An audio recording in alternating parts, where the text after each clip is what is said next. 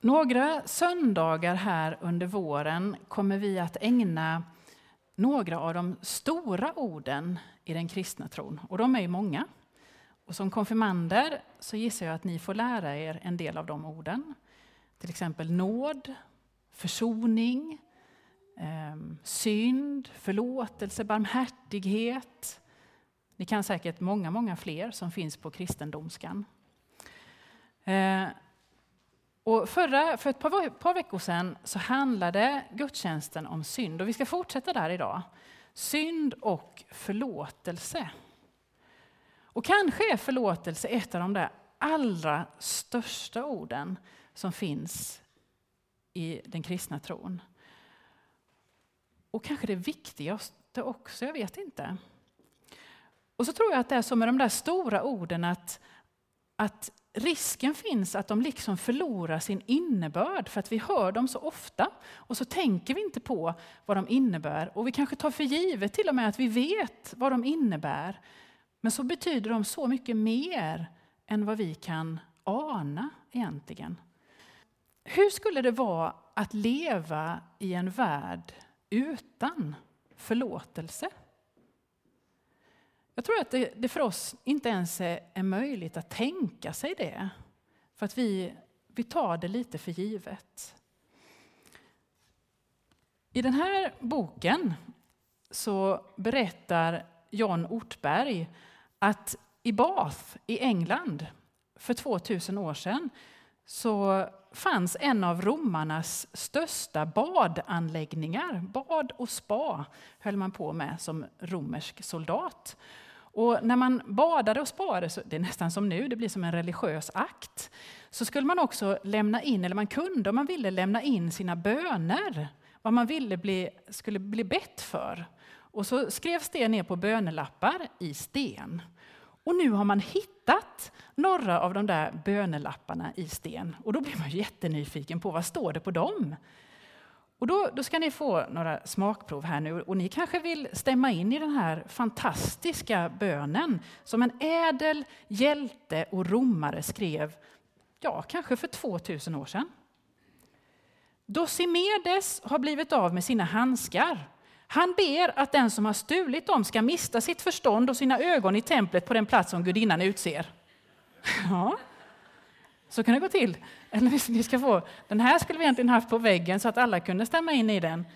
Jag åkallar er, heliga änglar och heliga namn. Bind, hindra, drabba, vält omkull, skada, förgör, döda och till intet gör körsvennen Ev Evkerios och alla hans hästar imorgon på Roms arena. Mm. Gör så att startgrindarna inte öppnas ordentligt. Gör så att han inte är snabb. Gör så att han inte kommer förbi. Gör så att han inte klarar kurvan. Gör så att han inte vinner priset. Gör så att han inte kommer bakifrån och går förbi, utan låt honom istället bli instängd. Låt honom bli skadad. Låt honom komma efter, både i de tidiga loppen och de sena. Nu, nu, genast, genast. Det står så. Och det var så man bedde, bad. Ja, vi kan ju skratta åt det. Men tänk vad, vad vårt sätt att tänka har förändrats efter en enkel snickarkille som införde någonting som kallas förlåtelse. Hur blir en tillvaro där mottot för livet verkligen är du ska älska din nästa och hata din fiende. Så ska du leva. Hur blir en skolgård där den starkaste regeln lyder hjälp dina vänner och straffa dina fiender? Hur funkar det då? Eller en arbetsplats där jag begår ett misstag och det inte finns, det får ingen chans att försöka igen. Och där gudarna är med och ser till att hämnden går igenom. Hur är det att leva i en sån värld? Förlåtelsen som vi känner den idag, den fanns inte i antikens Grekland eller Rom. sin vrede eller sin, sin besvikelse mot dem som hade gjort mig illa, den stillade jag med vedergällning, alltså hämnd. Att ge igen.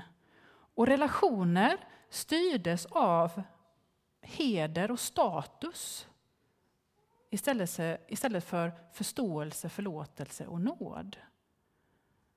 Som om du hade lite högre status än jag, då, då kröp jag. Eller om jag hade högre status än du och du glömde något som du hade lovat. Hur blir en värld utan förlåtelse? Hur skulle det vara om vi inte fick en chans till när vi av trötthet tappat tålamodet och skrikit åt någon vi älskar? Eller för att jag glömt bort den där saken jag hade lovat att jag skulle göra. En värld utan förlåtelse, vem blir jag då? Och vem blir du då? För att förstå förlåtelse så tror jag att vi först behöver förstå, eller i alla fall ha en aning om, vad synd är. Synden har med det onda att göra. Och ordet för det onda i grekiska, som ju Nya testamentet är skrivet på, det är ordet diabolos. Och det betyder ordagrant den som sliter isär. Eller den som kastar isär. Och ytterst så tänker jag att det är just det som det onda gör med oss. Det kastar isär. Det splittrar. Och just det tänker jag är syndens verkan. Det skiljer mig från det goda. Och jag missar målet med allt. Också med det goda att jag själv finns missar jag målet för. Och jag, det kan till och med bli så att jag slits ifrån mig själv och meningen med att jag finns. Och om vi inte ger oss tid att förstå vad synd är så kommer, tror jag också att det kommer bli svårt för oss att angripa alla de problem och bekymmer som vi har och ser i vår värld idag. Jag tror nämligen inte att det är självklart att vi förstår vad synd är och synd gör. För vi tänker väl idag att det inte handlar om det som man tänkte förut, nämligen biobesök, dansbanor och kortlekar. Det är någonting mer, det är någonting större eller någonting annat än det.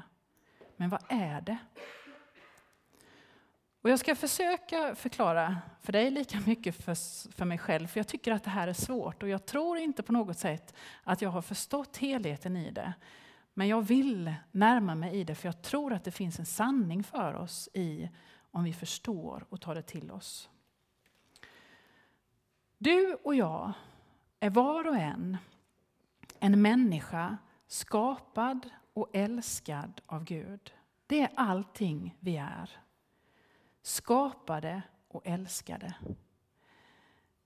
I det är vi allting. Allting.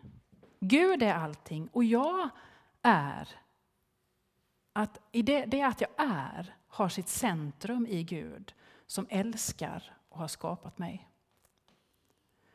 Men så får vi tanken, eller tanken drabbar oss som splittrar oss från detta allting. Och menar att ja, men du måste ju bli någonting.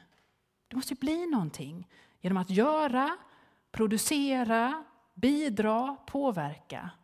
Se till att du blir någonting. Och så kämpar vi för det och strävar för att bli någonting. Och så ser ni att vi liksom hamnar utanför cirkeln av allting. Utanför den mittersta cirkeln, i någonting, där hänger allting på mig själv. Det är vad jag kan och vad jag gör som sätter gränserna och som är tillgången i allt. När jag är stark och när allting går bra är detta fantastiskt, att vara någonting. Jag verkligen vet att jag lever, jag vet att jag kan och att jag kan bidra. Jag är behövd. Och Det är någonting kreativt och härligt att få vara någonting. Baksidan skulle kunna vara på vems bekostnad jag blir någonting.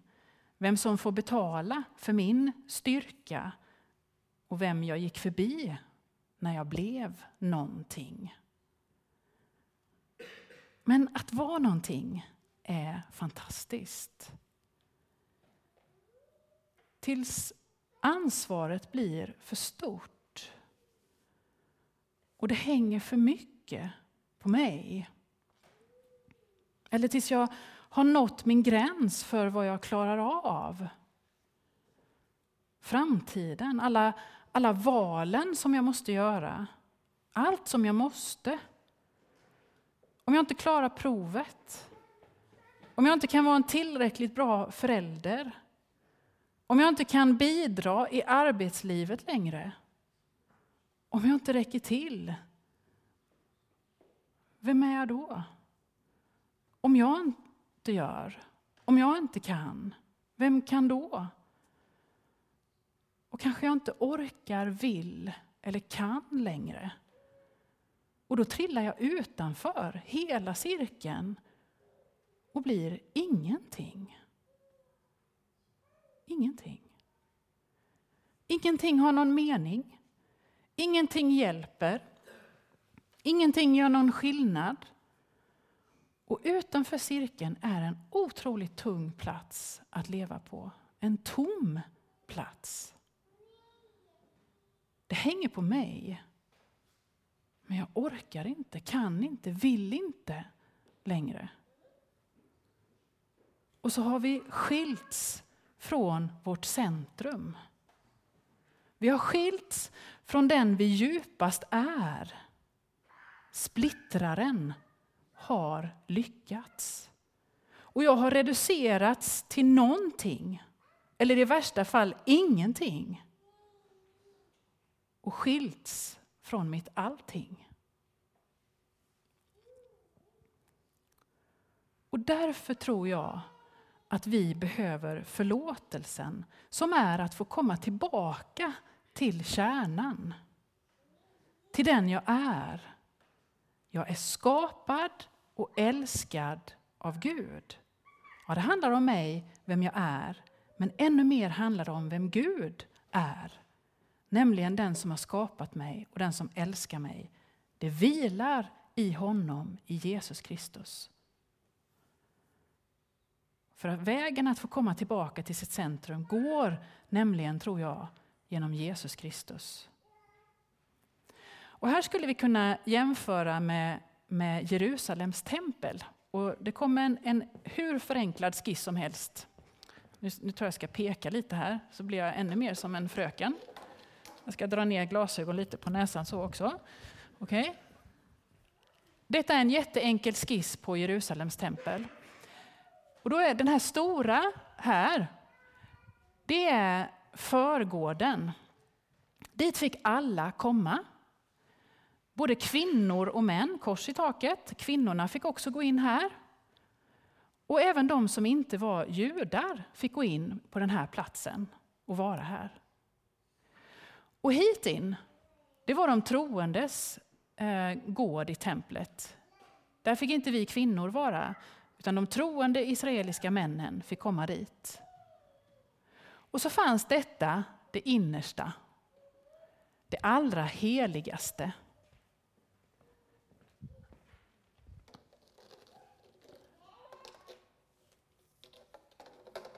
Dit in, till det allra heligaste, fick prästen, överste prästen som blev utlottad en gång om året gå för att förrätta ett offer. För där, i det allra heligaste, där tänkte man, visste man att där finns Gud.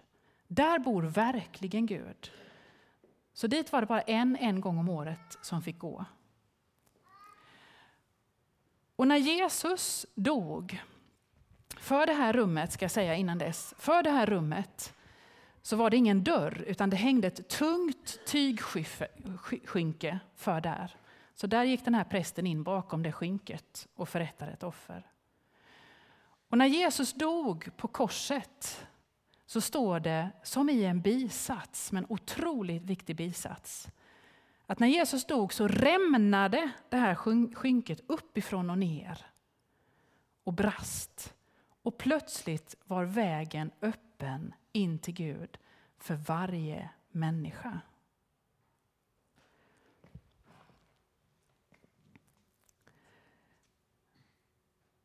Förlåtelse är att få hjälp att se att jag har hamnat utanför min allting-cirkel.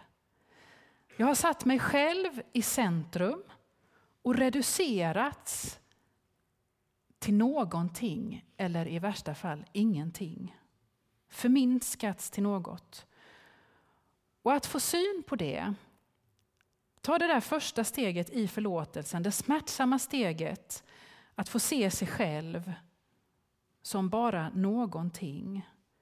Men inte behöva stanna i den smärtan. För att där får vi se på korset där Jesus dör för din skull, för min skull. Med blicken på dig, på mig, för att vi är älskade, vi är skapade av Gud. Och så rämnar gränserna.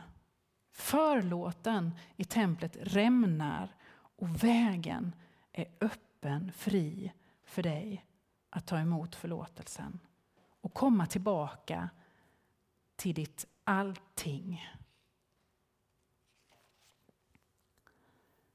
För dig och mig kostar det gratis. Och för Gud kostar det allt. Det kostar Jesus, hans sons, liv. Och han besegrar till och med döden. Han låter det inte stanna vid att han dör som en manifestation för vår kärlek, utan han besegrar döden för att ännu mer kunna hjälpa oss att vara i vårt allting och påminna oss om att du är inte bara någonting, utan du är allting. Du är skapad och älskad av Gud. Och i det kunna utmana oss att vi ska se den som vi möter också som ett allting. Inte bara någonting, ett objekt för något, utan som ett allting. För i detta att vi är i vårt allting så är vi också tillsammans med alla andra som Gud har älskat och skapat. Vi är varandras allting. Man skulle kunna tänka sig att, att det är ganska bekvämt att leva här i allting. För det är bara Gud som tar hand om allting. Och, och jag kan bara vila där. Nej, det hänger inte på mig längre. Det är ju jätteskönt. Gud tar hand om allting. Det är inte jag som har det yttersta ansvaret. Och då kan jag ju köpa vilka bananer jag vill. Fairtrade spelar inte så stor roll då. Liksom. Och jag kan flyga vart jag vill. Eller hur? Gud tar hand om allt. Jag struntar i dig för du är så himla jobbig. Gud tar hand om dig. Eller hur? Ja. Men då har jag inte förstått detta allting i så fall. Ja, det är sant att inte allt hänger på mig, på mina axlar. Det är sant. För Gud bär.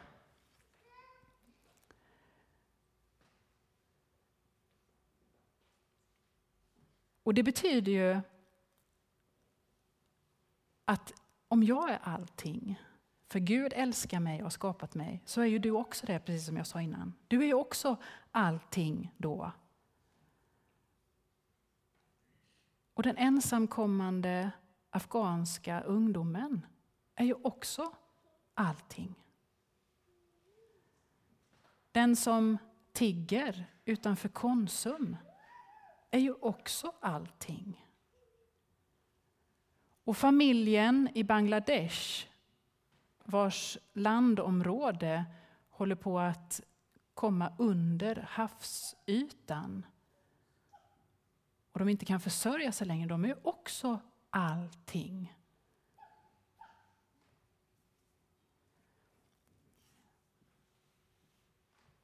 Vi hör ihop.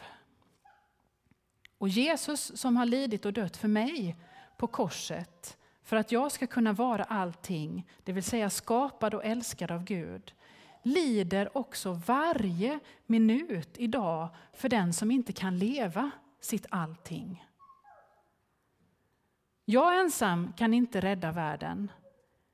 Men i mitt allting med Gud så kan du och jag göra stor skillnad. Vi kan verka för att ännu en och ännu en och ännu en människa ska få leva i sitt allting.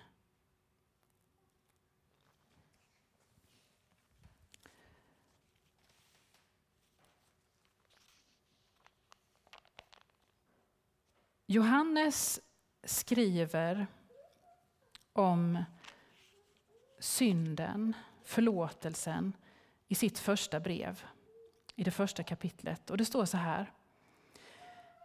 Detta är det budskap som vi har hört av honom och förkunnar för er, att Gud är ljus och inget mörker finns i honom. Om vi säger att vi har gemenskap med honom men vandrar i mörkret ljuger vi och handlar inte efter sanningen. Men om vi vandrar i ljuset, liksom han är i ljuset, då har vi gemenskap med varandra och blodet från Jesus, hans son, renar oss från all synd. Om vi säger att vi är utan synd bedrar vi oss själva och sanningen finns inte i oss. Om vi bekänner våra synder är han trofast och rättfärdig så att han förlåter oss synderna och renar oss från all orättfärdighet. Om vi säger att vi inte har syndat gör vi honom till lögnare och hans ord finns inte i oss. Om vi vill leva i vårt allting så gör vi det för att Jesus är allting. Gud älskar, Gud har skapat dig och det är därför vi kan få leva i vårt allting. Det är Gud som ger oss det värdet, den grunden, den plattformen, den inre kärnan. Där kan vi få vara och leva och vara allting. Att se sin synd och att upptäcka sin position när jag är utanför allting och istället har blivit någonting eller ingenting. Det kan hjälpa mig att se vägen som Jesus redan har förberett då han dog och förlåtelsen blev verklig när förlåten i templet rämnade och vägen blev öppen för oss alla, rakt in i Guds famn.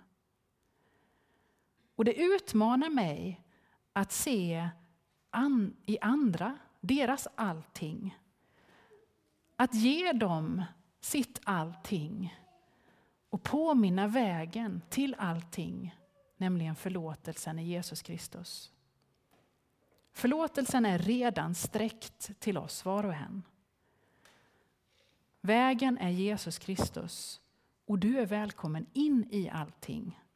Du är skapad och du är älskad av Gud. Det är redan sant den dag du blev till. Och tillsammans är vi skapade och älskade av Gud. Tillsammans med varandra och tillsammans med Jesus Kristus är det vi som bygger fortsättningen av den här världen. Amen.